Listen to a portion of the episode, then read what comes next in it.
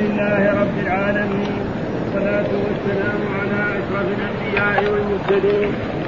سيدنا ونبينا محمد صلى الله عليه وعلى آله وصحبه أجمعين. قال الإمام البخاري رحمه الله باب يستجاب للعبد ما لم يعجز قال حدثنا عبد الله بن يوسف قال أخبرنا مالك عن ابن شهاب عن أبي عن أبي عبيد مولى بن مولى بن إزهر عن أبي هريرة أن رسول الله صلى الله عليه وسلم قال يستجاب لأحدكم ما لم يعجل يقول دعوت ولم يستجب لي باب رفع الأيدي في الدعاء. وقال أبو موسى الأشعري دعا النبي صلى الله عليه وسلم ثم رفع يديه ورأيت بياض إبطيه. وقال ابن عمر رفع النبي صلى الله عليه وسلم يديه. وقال اللهم إني أبرأ إليك مما صنع خالد. قال أبو عبد الله وقال الأبيسي حدثني محمد بن جعفر عن يحيى بن سعيد وشريك سمع آنس عن النبي صلى الله عليه وسلم. رفع يديه حتى رأيت بياض إبطيه.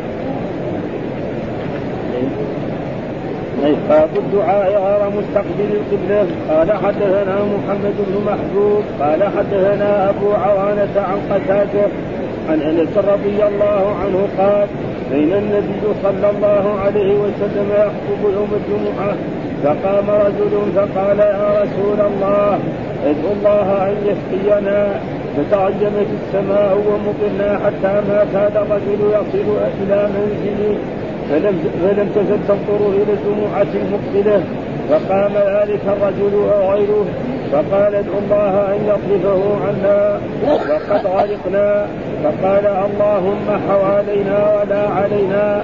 فجعل السحاب ينقطع حول المدينة ولا ينظر أهل المدينة. باب الدعاء مستقبل القبلة. قال حدثنا موسى بن إسماعيل. قال حدثنا وهيب. قال حدثنا عمرو بن يحيى. عن عباد بن سليم عن عبد الله بن زيد قال خرج النبي صلى الله عليه وسلم إلى هذا المصلى يستسقي فدعا واستسقى ثم استقبل القبلة وقلب رداءه باب دعوة النبي صلى الله عليه وسلم لخادمه بطول الأم وبشهرة ماله قال حدثنا عبد الله بن أبي الأسود قال حدثنا حرمي قال حدثنا شعبة عن قتادة عن أنس رضي الله عنه قال قال الجني يا رسول الله. خادمك ادعو الله له قال اللهم اكفر ماله وولده وبارك له وبارك فيما أعطيته. باب الدعاء عند قال حدثنا مسلم بن إبراهيم قال حدثنا هشام قال حدثنا قتادة عن أبي العالية عن ابن عباس رضي الله عنهما قال كان النبي صلى الله عليه وسلم يدعو عند الكرب يقول لا إله إلا الله العظيم الحليم لا إله إلا الله رب السماوات والأرض ورب العرش العظيم. قال حدثنا مسدد قال حدثنا يحيى عن هشام بن ابي عبد الله عن قتادة عن أبي العالية عن ابن عباس أن رسول الله صلى الله عليه وسلم كان يقول عند الكرب لا إله إلا الله العظيم الحليم لا إله إلا الله رب العرش العظيم لا إله إلا الله رب السماوات ورب الأرض ورب العرش الكريم. وقال وهب حدثنا شعبة عن قتادة مثله. أعوذ بالله من الشيطان الرجيم. بسم الله الرحمن الرحيم. الحمد لله رب العالمين والصلاة والسلام على سيدنا ونبينا محمد وعلى آله وصحبه وسلم أجمعين. قال الإمام الحافظ محمد بن إسماعيل البخاري رحمه الله تعالى باب يستجاب للعبد ما لم يعجل. هذا حديث أن أن الله كريم وحي. الإنسان يرفع يديه ويدعو ولا يعطيه لا يفعل ذلك. إنما هذا قد إنسان يدعو فلا يجاب. في الأول. نعم. ثم بعد ذلك يجاب. أو يدخر له هذا الدعاء بما هو أحسن منه وخير. لأن الله كريم. وجاء في أحاديث كثيرة إن الله. فإذا يستجاب للعبد ما لم يعجل. فإذا عجل إيش كيف يعجل؟ أن يقول مثلا دعوت أنا. في سنة أنا أدعو ربنا. خلاص بطل ها؟ إذا بطل خلاص. ها؟ ثم هو هذا هذا عبادة. الدعاء عبادة. فانت تعبد الله. سواء يعني لك الأجر ولك الثواب. الدعوه هذه فلذلك قال باب يستجاب للعبد ما لم ثم إذا ترك يعني كان اتهم الرب سبحانه وتعالى بصفتين ما تليق بالرب سبحانه وتعالى. ان أنه يمن على الرب.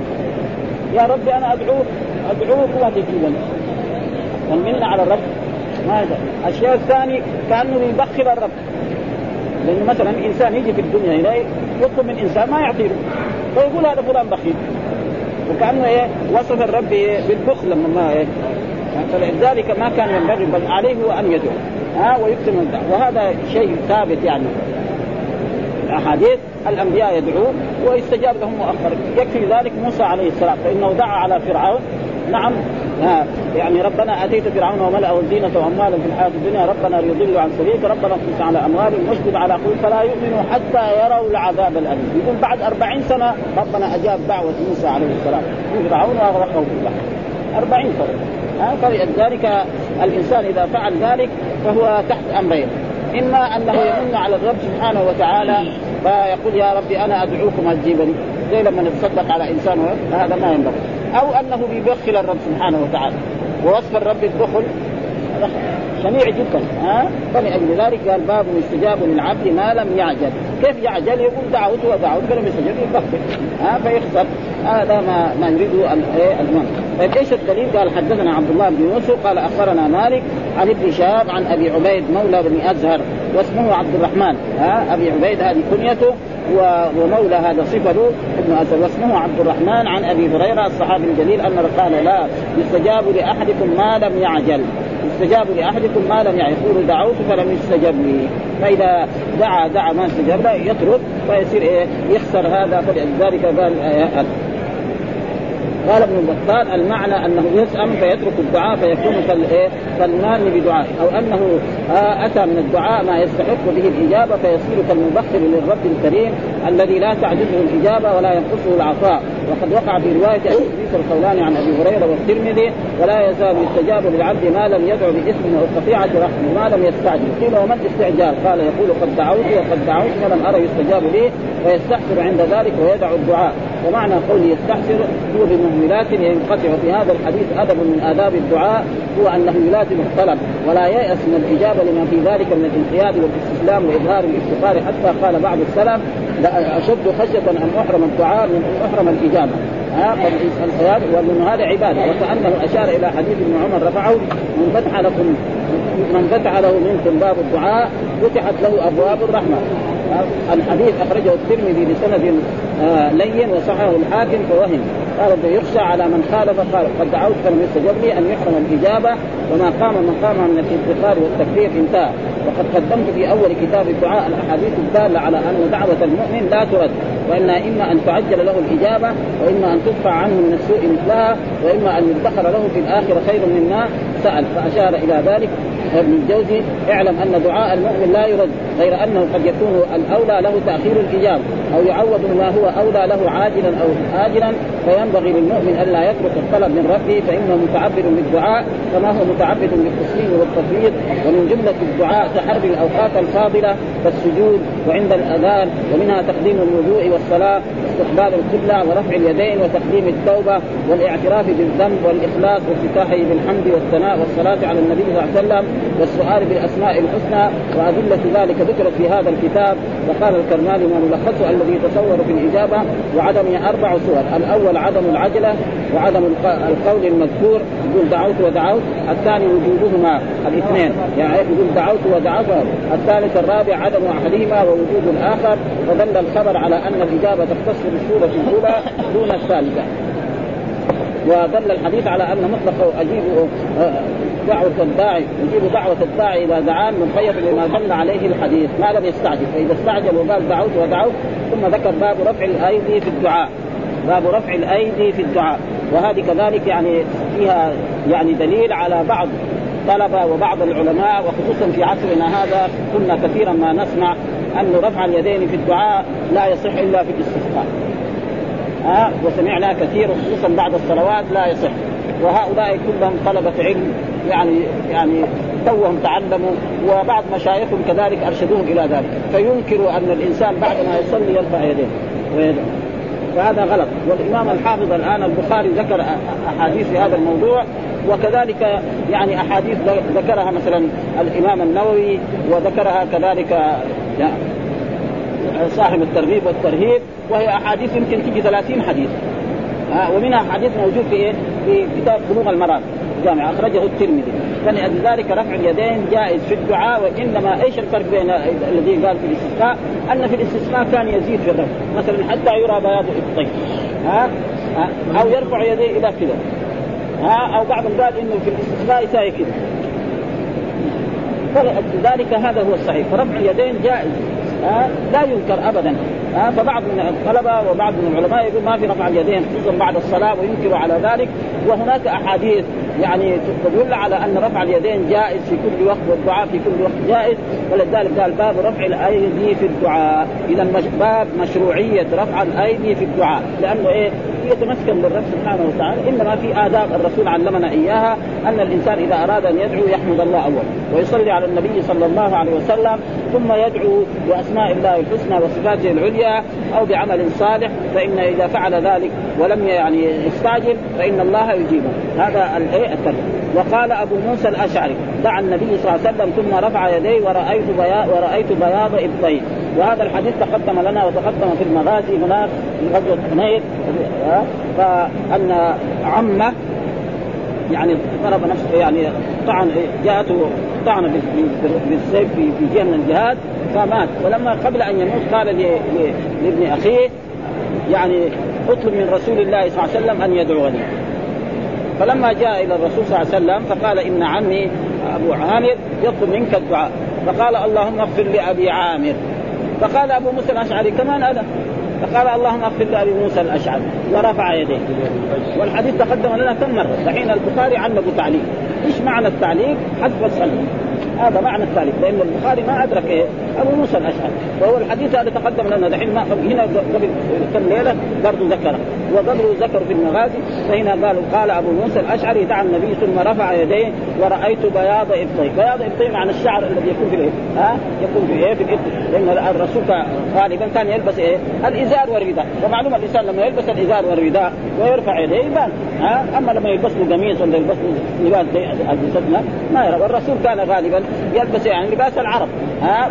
والعرب كان يلبس إيه؟ يسمى حله الإزار والرداء اسمه في اللغة العربية حله فإذا قال فلان أعطى فلانا حله معناه أعطاه إزارا ورداء هذا معروف له. فهذا إيه؟ فقال ثم رفع يديه ورايت هنا الآن تعليق والحديث مر علينا كم مرة؟ هذا حين مر علينا يعني واذكر الحين هذه يعني كل هذه ثالث مرة. هذا. وقال ابن عمر ها رفع النبي صلى الله عليه وسلم يديه وقال اللهم إني ابرؤ إليك مما صنع خالد وكذلك هذا برضه تعليق. قال ابن عمر. ها برضه الإمام البخاري ما أدرك ابن عمر. هذا تعليق. والحديث هذا كذلك تقدم رفع وقال الله إيش السبب؟ أن الرسول أرسل خالد إلى قبيلة من القبائل وطلب منها الإسلام. فقالت إنا صبعنا صبعنا فهو صبعنا معناه إنهم كفار. وهو يريد صبعنا أسلمنا. فصار يقتل فيه. ما هو فاهم. هذه لغة ما يعرفها. هو يعرف أسلمنا. يقول لهم قولوا أسلمنا يقولوا صبعنا قال هذول كفار. قتل. فالرسول تبرأ من فعله ها وكذلك تقدم لنا حديث أن الرسول لما يعني رجل آه يعني جرى خلفه أسامة بن زيد فلما أدركه قال لا إله إلا الله محمد رسول الله. فقام قتله أسامة. قال ما قال إلا خائف هذا ما ما, ما كان يبغى يؤمن. قال هل شققت قلبه؟ قال اللهم إني أبرأ إليك مما فعل أسامة. ها؟ فلذلك وكذلك حديث برضه موجود أن رجلا بعثه الرسول صلى الله عليه وسلم لجباية الزكاة وجاء وجمع الزكاة وأتى بها. فلما أتى قال هذا اوتي لي وهذا يعني لكم. فقال الرسول لماذا لم يجلس في بيت أبيه وأمه حتى يهدى له؟ قال اللهم إني أبرأ إليك مما فعل ابن اللتبيه ورفع الرسول يديه ودعا عليه. فإذا رفع اليدين إيه؟ ثابت في الدعاء سواء في الصلاة في السج... في أي وقت. ها؟ في الليل في النهار بعد الصلاة فريضة نافلة أي شيء. ها؟ و... ولا يمكن. ها؟ لا علو ها؟ لا علو يعني بال... إيه اللهم إني أبرأ إليك مما فعل ابن النسبيه كونه رجل يجي نرسل لجبايه الزكاة ويقول هذا اهدي لي هذا حقي أنا. يعني الناس أهدوني هو. وهذا لكم إن تخذوه فقال الرسول لماذا لم يجلس في بيته؟ ولا يجوز الهدية للحكام. الرجل القاضي أو الحاكم لا يهدى له يعني الهدية إلى القضاة وإلى الحكام وإلى الامراء وإلى الموظفين الكبار هذا رشوة. والرسول لعن الراجي والمرتجي. فهذا إيه؟ ففهم من ذلك هذا اللهم إني ابرا إليك مما مما صنع خالد. وهذا حديث وهو السبب في ذلك أن خالد رأى ناسا دعاهم إلى الإسلام فقالوا نحن صبأنا ها صبأنا فقال لا أنتم ما أسلمتم صار يقتلون. فلما بلغ الرسول ذلك الرسول تبرأ منه ورفع يديه. الحديث اللي قال أبو عبد الله هذه كذلك تعريف كلها جابها تعريف وقال الكويسي حدثني محمد بن جعفر عن يحيى بن سعيد وشريك سمع انس عن رفع يديه حتى رأيت بياض ابطيه برضه هذا يقول أنس مالك الذي هو خادم الرسول رفع الرسول يديه حتى رأيت يعني في إيه؟ في الاستسقاء أو في غير ذلك. فإذا رفع اليدين في الاستسقاء وفي غيره جائز وان الإنسان دائما وجاء في أحاديث كثيرة عن رسول الله صلى الله عليه وسلم منها حديث أخرجه الترمذي وهو موجود في كتاب جامع في بلوغ المرام. إن الله حي كريم يستحي أن يرد عبده صبرا إذا رفع يديه. والحديث أخرجه الترمذي وقال حديث حسن. فرفع اليدين جائز. وإذا ما رفع يديه جائز. ها؟ وخصوصا على قال باب رفع الايات في الدعاء. ها؟ على صفة خاصة وسقط لفظ باب لأبي وقال أبو موسى الأشعري دعا النبي صلى الله عليه وسلم ثم رفع يديه ورأيت بياضا هو طرف من حديثه الطويل في قصة قتل عمي أبي عامر الأشعري. وقد تقدم موصولا في المغازي في غزوة حنين وأشرت إليه قبل ثلاثة أبواب.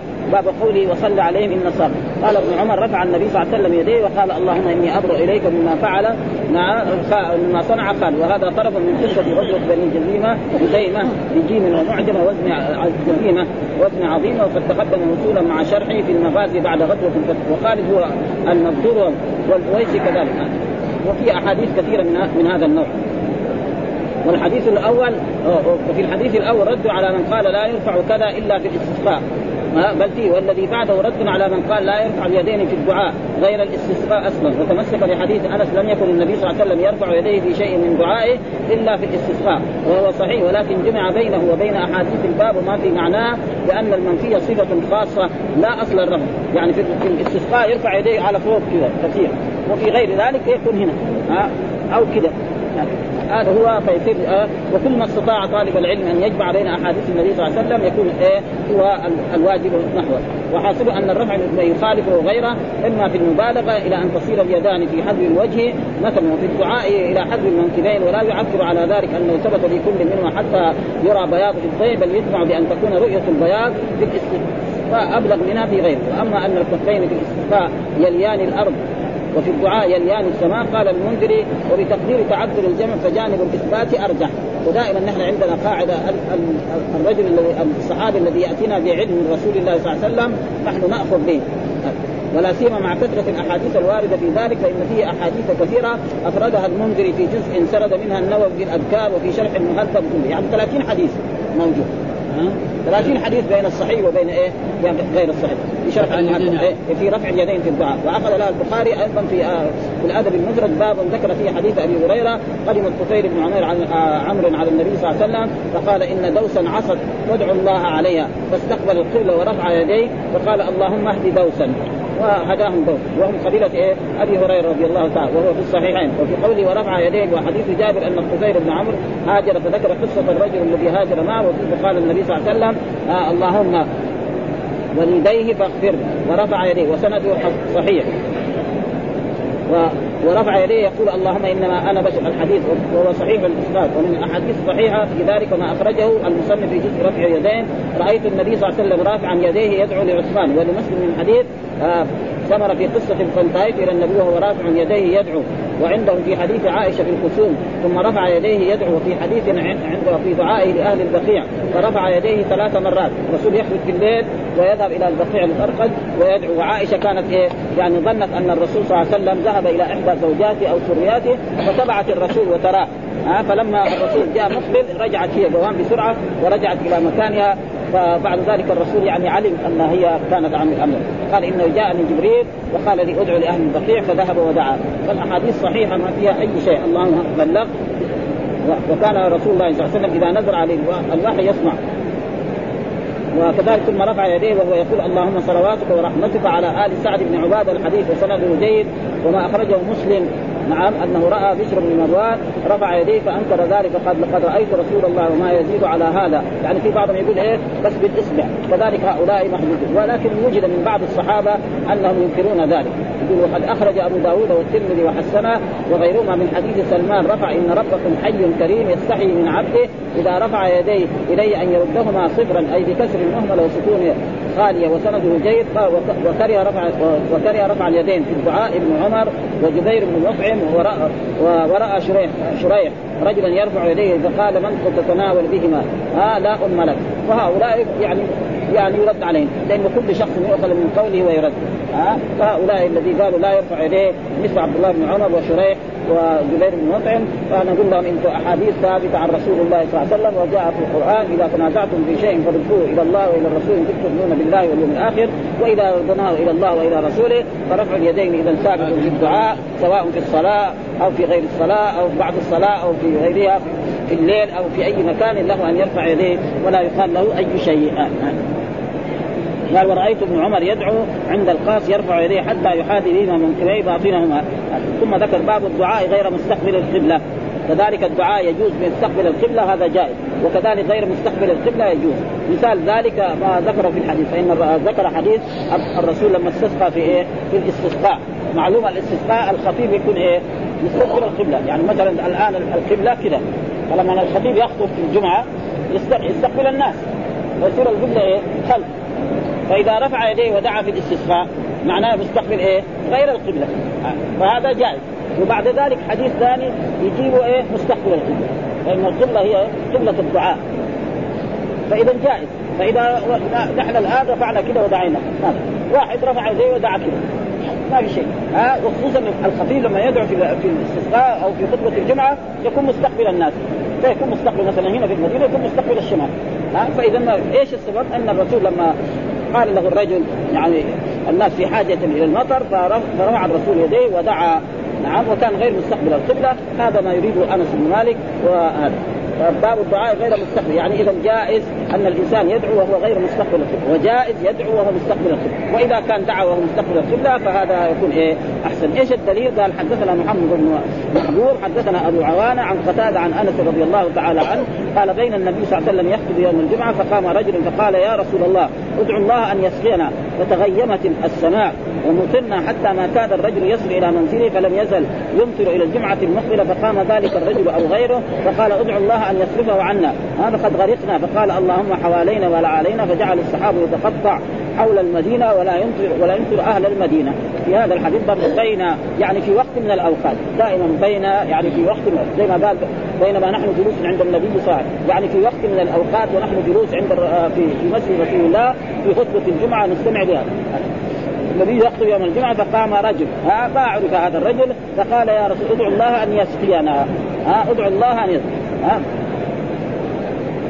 ها باسمها فتغيمت السماء. يعني فالرسول إيه رفع يديه ودعا. هذا ما ذكر ومطرنا. تغي حالا قبل أن يخرج من صلاة الجمعة وإذا كان ما في ولا سحابة. يقول كان المسجد مثلا كان مسجد متواضع. الواحد لما يكون في هذا المسجد يشم السلع. جبل سلع وإذا ما في ولا شيء وإذا في ما خرجنا من الجمعة إلا والسحاب تجمع وصار المطر وما خرجنا من صلاة الجمعة إلا والمطر ينزل. واستمر من ذلك اليوم إلى الجمعة الثانية. والمطر ينزل في المدينة. حتى في الجمعة الثانية دخل ذلك الرجل أو غيره فقال يا رسول الله انقطعت السبل. يعني هذا مثلا واحد عنده شياه ولا خرفان ما تقدر تخرج في المطر تموت من الجوع يعني خمسة أيام ستة أيام إلا كم يعيذ بالله. ها؟ فدعا الرسول نعم فتقطع السحاب وخرجنا نمشي فيه. خلاص خرجوا من صلاة الجمعة وهم يمشون في إيه؟ في الشمس. ها لأن هذا دعاء رسول الله صلى الله عليه وسلم. ها؟ فلذلك قال فتغيمت السماء ومطرنا حتى ما كاد الرجل يصل إلى منزله. يعني ما وصلنا المنزل إلا نحن كنا لما يعني ثيابنا كانت تملك. فلم تزل تمطر إلى الجمعة الثانية. فقام ذلك الرجل أو غيره فقال ادعو الله أن يصرفه عنا. لأنه انقطعت السبل. ها؟ وهلكت الأموال. يعني تموت أشياء. بعد ستة أيام خمسة أيام ما اكلت تموت. فقال اللهم حوالينا فجعل السحاب يتقطع. يعني تفرق كده هذا السحاب يروح كده وهذا السحاب وخرجنا والسماء ما في باينة على أحسن ما يكون ولا ينطق اهمد يعني صار المطر ينزل في إيه؟ في الاوديه هنا وهذا دليل وتقدم هذا الحديث في إيه؟ في باب الاستسقاء في الصلاة الحين جايب لنا هو في هذا الباب ليه؟ إيش كتاب الدعوات كتاب الدعوات هذا يعني مطابق يأتي به في هذا المعنى وإلا هو هذا الحديث فين؟ كتاب الاستسقاء جابوا هناك والآن جايبوا هنا عشان يستدل به على هذا الحديث. الحديث الثاني باب الدعاء مستقبل القبلة. يعني دحين هذا غير مستقبل القبلة يجيب حديث آخر أن الرسول دعا وهو مستقبل القبلة. فين هذا؟ وهذا كذلك الرسول مرة من المرات خرج إلى الاستسقاء، فين كان الاستسقاء؟ يعني محل مسجد الغمام. وما حوله، هذا كان الرسول إذا أراد أن يستسقي وإذا أراد أن يصلي العيد سواء عيد الفطر أو عيد الأضحى يخرج لذلك، ما كان يصلي العيد في إيه؟ في مسجده، ها صلوات الله وسلامه عليه إنما كان ودائما السنة أن يصلى العيد والاستسقاء في الصحراء. وهذا كان من هدي رسول الله صلى الله عليه وسلم إلا في مكة.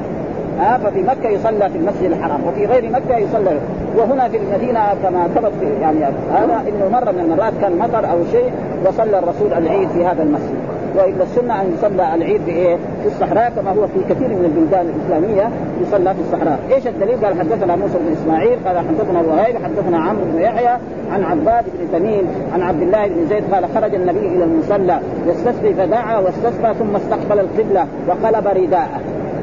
هذا لما كان هناك يعني صلى العيد الاستسقاء ثم بعد ذلك خطب ثم بعد ذلك استقبل القبلة وقلب رداء جعل ما على اليمين على اليسار ودعا مستقبل القبلة هذا اذا آه جائز وأنه ليس فيه أي شيء. هذا جائز وهذا جائز وليس فيه يعني آه.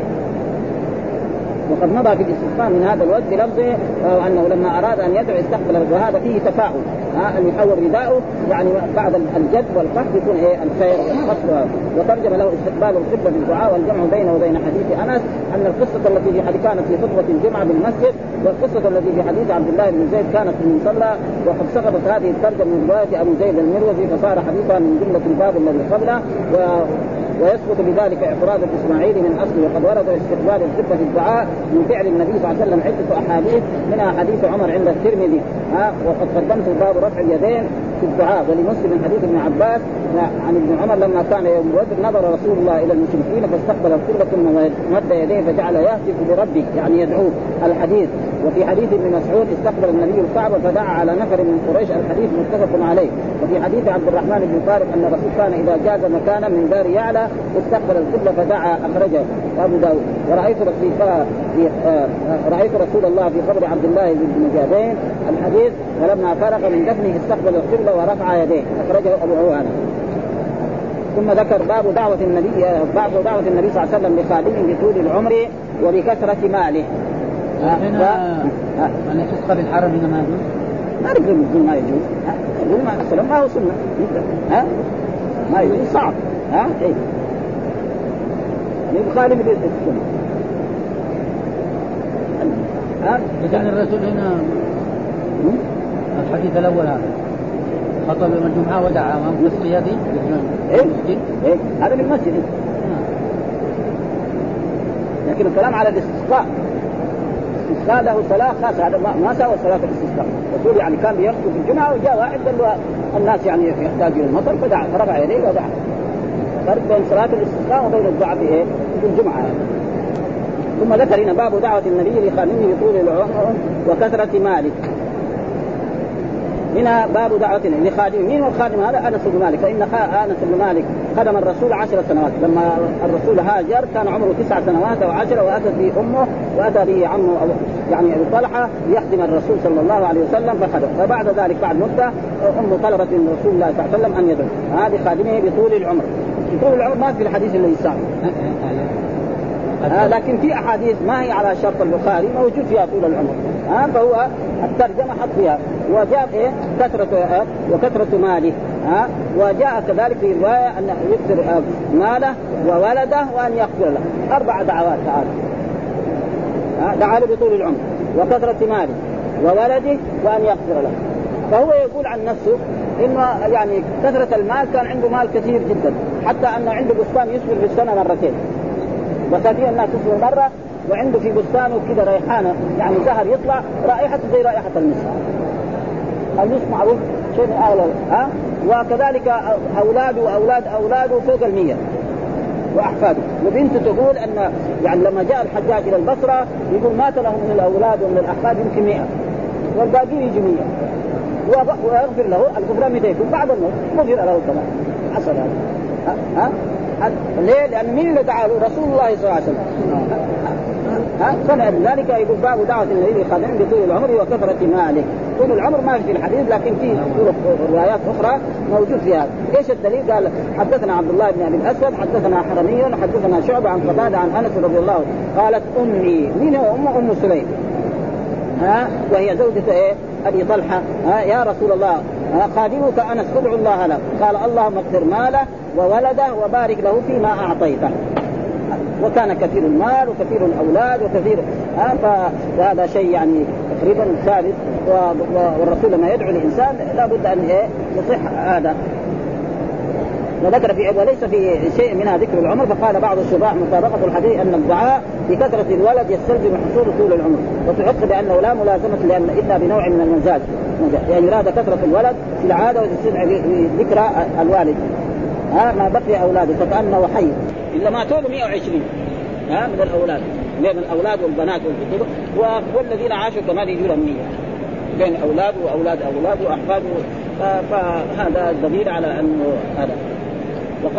وكان بالبصر ثلاثة ما ماتوا حتى رأى كل واحد منهم ولده مئة. ها ذكر لصلبه أبو بكر أبو بكر وأنس وخليفة بن بدر وزاد غيرهم رابعا وهو المهل بن أبي يعني أبو بكر هذا كان له أولاد وأولاد. وأنس كذلك وخليفة بن بدر وزاد غيره رابعا وهو المهل بن أبي صفرة وأخرج الترمذي. ها ذكر أنا كان له بستان يأتي في كل سنة في الفاكهه مرتين وكان له فيه ريحانة يجيء منه ريح المسك ورجاله ثقات وأما طول عمر أنس فقد ثبت في الصحيح أنه كان في الهجرة ابن تسع سنين وكانت وفاته سنة 91 فيما قيل وقيل سنة ثلاث ثلاث ثلاث يعني 93 و100 وثلاث 103 سنين. فقال خليل وهو المعتمد وقيل كذلك يعني 136 فاختلف. ثم ذكر باب دعاء الدعاء عند الكرب باب الدعاء يعني الانسان قد يحصل كرب حزن. ها آه يجي بشيء في دنياه هنا فيحزنه. فهذا الدعاء علمه رسول الله صلى الله عليه وسلم لنا أن الإنسان يدعو به فإن كربه يزول. ها آه بامر الله سبحانه وتعالى.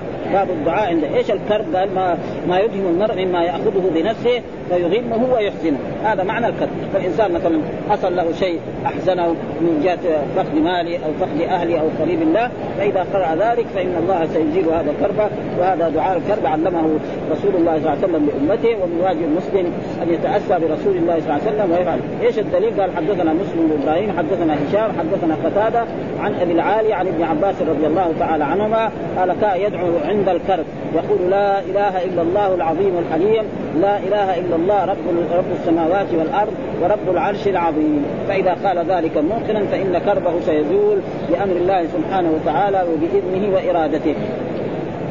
لا إله إلا الله العظيم الحليم. ها العظيم الذي لا أعظم منه الحليم الذي لا يعاقب على إيه؟ على الذنب. ها لا إله إلا رب السماوات والأرض ورب العرش العظيم. ورب العرش العظيم هذا العظيم قد يكون للعرش وبعضهم قال ورب العرش العظيم. وكل هذا يصح من جهة النحو من جهة اللغة العربية. فإذا قلنا رب العرش العظيم بالكسر يكون إيه؟ صفة للعرش. وإذا قلنا العظيم فيكون صفة للرب. ها ويجوز كذلك قطع قطعا إيه؟ يعني قتل ها؟ يعني العظيم هو. فيصير وكذلك الحديث الثاني حدثنا مسدد حدثنا يحيى عن هشام بن أبي عبد الله عن قتادة عن أبي العالية عن عباس أن قال كان يقول عند الكرب لا إله إلا الله العظيم الحليم لا إله إلا الله رب العرش العظيم لا إله إلا الله رب السماوات ورب الأرض ورب العرش الكريم.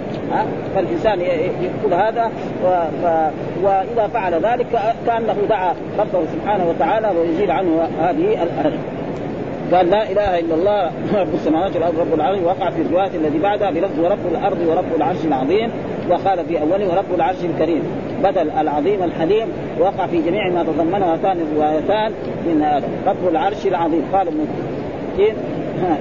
إنه روي برفع العظيم وكذا برفع الكريم. وقول رب العرش الكريم على أنه ما نعتان للرب الذي ثبت في رواية الجمهور وبالجر على أنه نعت للعرش. وهذا جائز من جهة. وفيه نظر لأن وصف ما يضاف العظيم بالعظيم أقوى في تعظيم العظيم. وكذلك الإنسان يعني يقول من ذلك أنه آه، أكثر ما كان يدعو النبي إلى عرفة لا إله إلا الله وحده لا شريك له الحديث. فقال سفيان هو ذكر وليس فيه دعاء. ولكن قال النبي عن ربه عز ومن شغله ذكري عن مسألتي أعطيت أفضل ما أعطي السائلين.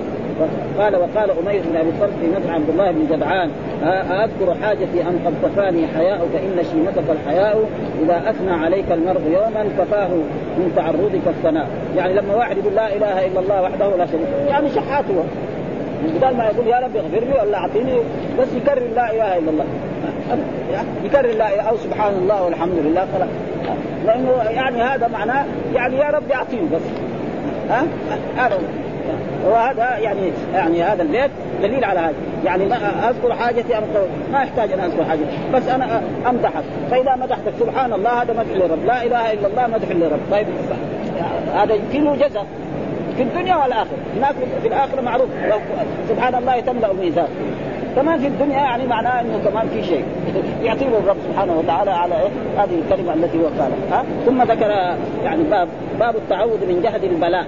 ها؟ جهد البلاء. الجهد المشقة ها؟ يعني يعني الذي يشق على الإنسان فكذلك هذه من الأدعية التي وردت عن رسول الله صلى الله عليه وسلم أن الإنسان يدعو بهذا التعوذ من جهد البلاء وهو الجهد بفتح الجيم وبضمها المشقة. وقد تقدم في أول حديث بدء واحد أول الكتاب والبلاء بالفتح مع المد يجوز والكسر مع القصر. فيدعو بهذه الأشياء، إيش الدليل؟ قال حدثنا علي بن عبد الله، قال حدثنا سفيان، حدثنا سمي عن أبي صالح عن أبي هريرة، قال كان النبي يتعوذ من جهد البلاء ودرك الشقاء وسوء القضاء وشماتة الاعداء، قال سفيان الحديث ثلاث. ها زدت أنا واحدة لا أدري أيتهن هي. ها فهو ما يحتاج يزيد ولا شيء. فإذا هو زاد من عنده فلا معنى له. فالرسول علمنا هذه الأشياء يدعو بها الإنسان في يعني يتعوذ من جهد البلاء ودرك الشقاء وسوء القضاء وشماتة الأعداء. فإذا دعا بهذا يعني أي شيء أصابه فإنه سيزول إيه؟ بأمر الله سبحانه الحديث وزدت أنا واحدة لا أدري أيتهن. الحديث المرفوع النبي يشتمل على ثلاث جمل من الجمل الأربع والرابعة زادها سفيان. من قبل نفسه ثم خفي عليه تعيينها. ووقع وهذا يسمى مدرج عندهم في الحديث. ها يعني واحد عالم مثلا زي سفيان يزيد كلمة ولكن لا الأحسن أن تعرف هذه الكلمة. ولم يصل ولم يفصل ذلك بعض الروايات عن وذلك تعقب عن الكرماني حيث اعتذر عن سفيان في جواب من استشكل جواز زيادة الجملة المذكوره في الحديث مع أنه لا يجوز الإدراج في الحديث. ويقال الاجابه انه كان يميزها إذا حدث. ها يقول هذه زيادتي أنا. هذه كلمتي أنا. فإذا قال كذا فلا والأحسن عدم ذكر هذه الأشياء. يعني الحديث يذكر كما هو عن رسول الله صلى الله عليه وسلم لا يزيد فيه وفي الحديث دلاله على استحباب الاستعاذه من الأشياء المذكورة وأجمع على ذلك آه، العلماء في جميع الأمصار والاعصار والأمصار وشدت طائفه من الزهاد. قالت وقد تقدمت الإشارة إلى ذلك في أوائل كتاب الدعوات وفي الحديث أن الكلام المسجوع لا يقرأ إذا صدر عن غير قصد. آه، لأن هذا دحين في إيه؟ آه اللهم يتعوذ من جهد البلاء ودرك الشقاء وسوء القضاء. هذا سجع. لكن السجع إذا جاء كذا عفوا ما في شيء وأما إذا كان فيه تكلف فهذا هو الممنوع الذي سماه الرسول سجع بسجع الجاهليه وقاله ابن الجوزي وفيه مشروعية الاستعاذة ولا يعارض ذلك كون ما سبق في القدر لا يرد الاحتمال أن يكون مما قبل وقد يقضي على المرء مثلا بالبلاء ويقضى على المرء بالبلاء مثلا ها وأنه أنه إن دعا كشف فالقضاء محتمل محتمل للدافع والمشروع وفائدة الاستعاذة والدعاء إظهار العبد طاقته لربه وتضرعه إليه وقد تقدم ذلك مبسوطا في أوائل كتاب الدعوات. ثم ذكر باب دعاء النبي اللهم الرفيق الأعلى. ها؟ كذلك باب الدعاء ان الرسول صلى الله عليه وسلم يعني عاش تقريبا 63 سنة. 40 قبل أن يبعث و23 نبيا الرسول فلما مرض في مرضه الذي توفي فيه وكان يأمر أبو بكر يصلي بالناس عائشة سمعته يقول اللهم الرفيق الأعلى. ففهمت من هذا أن الرسول خلاص يعني ما له شيء في الدنيا يعني ما يريد الدنيا وأنه أدى الواجب وأنه يريد إيه؟ نعم الرفيق الأعلى. فعلمت من ذلك أن الرسول سيتوفى. وبالفعل بينها هي يعني وضعت الرسول بين صدرها هنا واذا به يعني تخرج روح الرسول صلى الله عليه وسلم. والقرآن ذكر إنك ميت وإنهم ميتون ثم إنكم أفإن مات وهم خالدون إلى غير ذلك. وكل بشر لابد أن يموت. فلذلك باب دعاء اللهم الرفيق الأعلى. الرفيق يعني ارفعني إلى الجنة وإلى هذا لأنه أدى المهمة التي هي 23 سنة وهو قائم بالدعوة يدعو الناس إلى عبادة الله وعلمهم كل شيء. كل ما يحتاجه البشر علمه رسول الله. حتى رجل قال نبيكم علمكم كل شيء قالوا نبينا علمنا كل شيء حتى القراءة. آداب دخول الخلاء علمنا. مسلم يبغى يدخل الخلاء يقول قبل أن يدخل اللهم إني أعوذ بك من الخبث والخبائث. يخرج من بيت الخلاء يقول غفرانك الحمد لله الذي أخرج عني الأذى. هذه أشياء هذا كيف عارف يتعلم في الصلاة في الزكاة في الصيام في الحج في البيع في الشراء في النكاح؟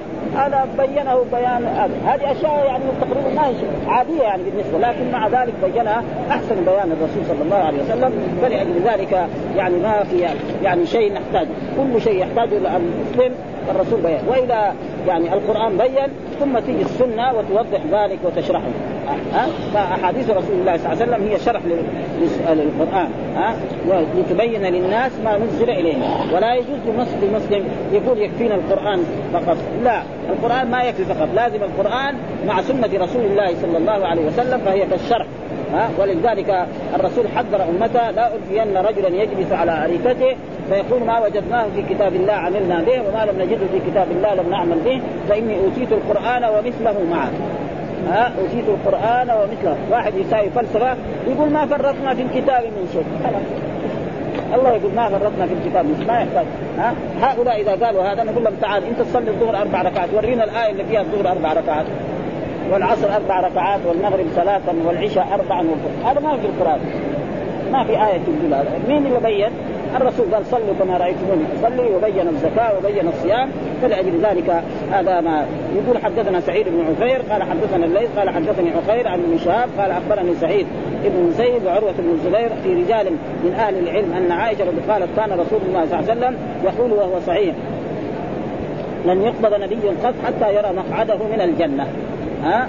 يعني لم يقضى نبي من من لدن نوح إلى محمد صلى الله عليه وسلم حتى يرى مقعده في الجنة. ابدا. ها ثم يخير ثم يخير. يعني هل يعيش ولا ما يعيش؟ فإذا حب يعيش كمان يخير وقد حصل ذلك لموسى عليه السلام. فإن موسى عليه السلام يعني لما أرسل آه الله ملك الموت لقبض روحه نعم لطمه كده في وجهه يعني رجل عينه. ورجع إلى الرب هذا ما يبغى الموت.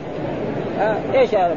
الظاهر انه كان الموت يعني يظهر لبعض الناس أو للأنبياء خاص فقال له اذهب إليه وقل له ضع يدك على ثوب. ها شعر شعر ثوب كذا يدك كلها ولا يديه. على قد كل شعر السنة. يعيش مثلا معلومة لما يحط يده على شعر ثوب قد إيه؟ يمكن يصير 2000 ولا أكثر ها؟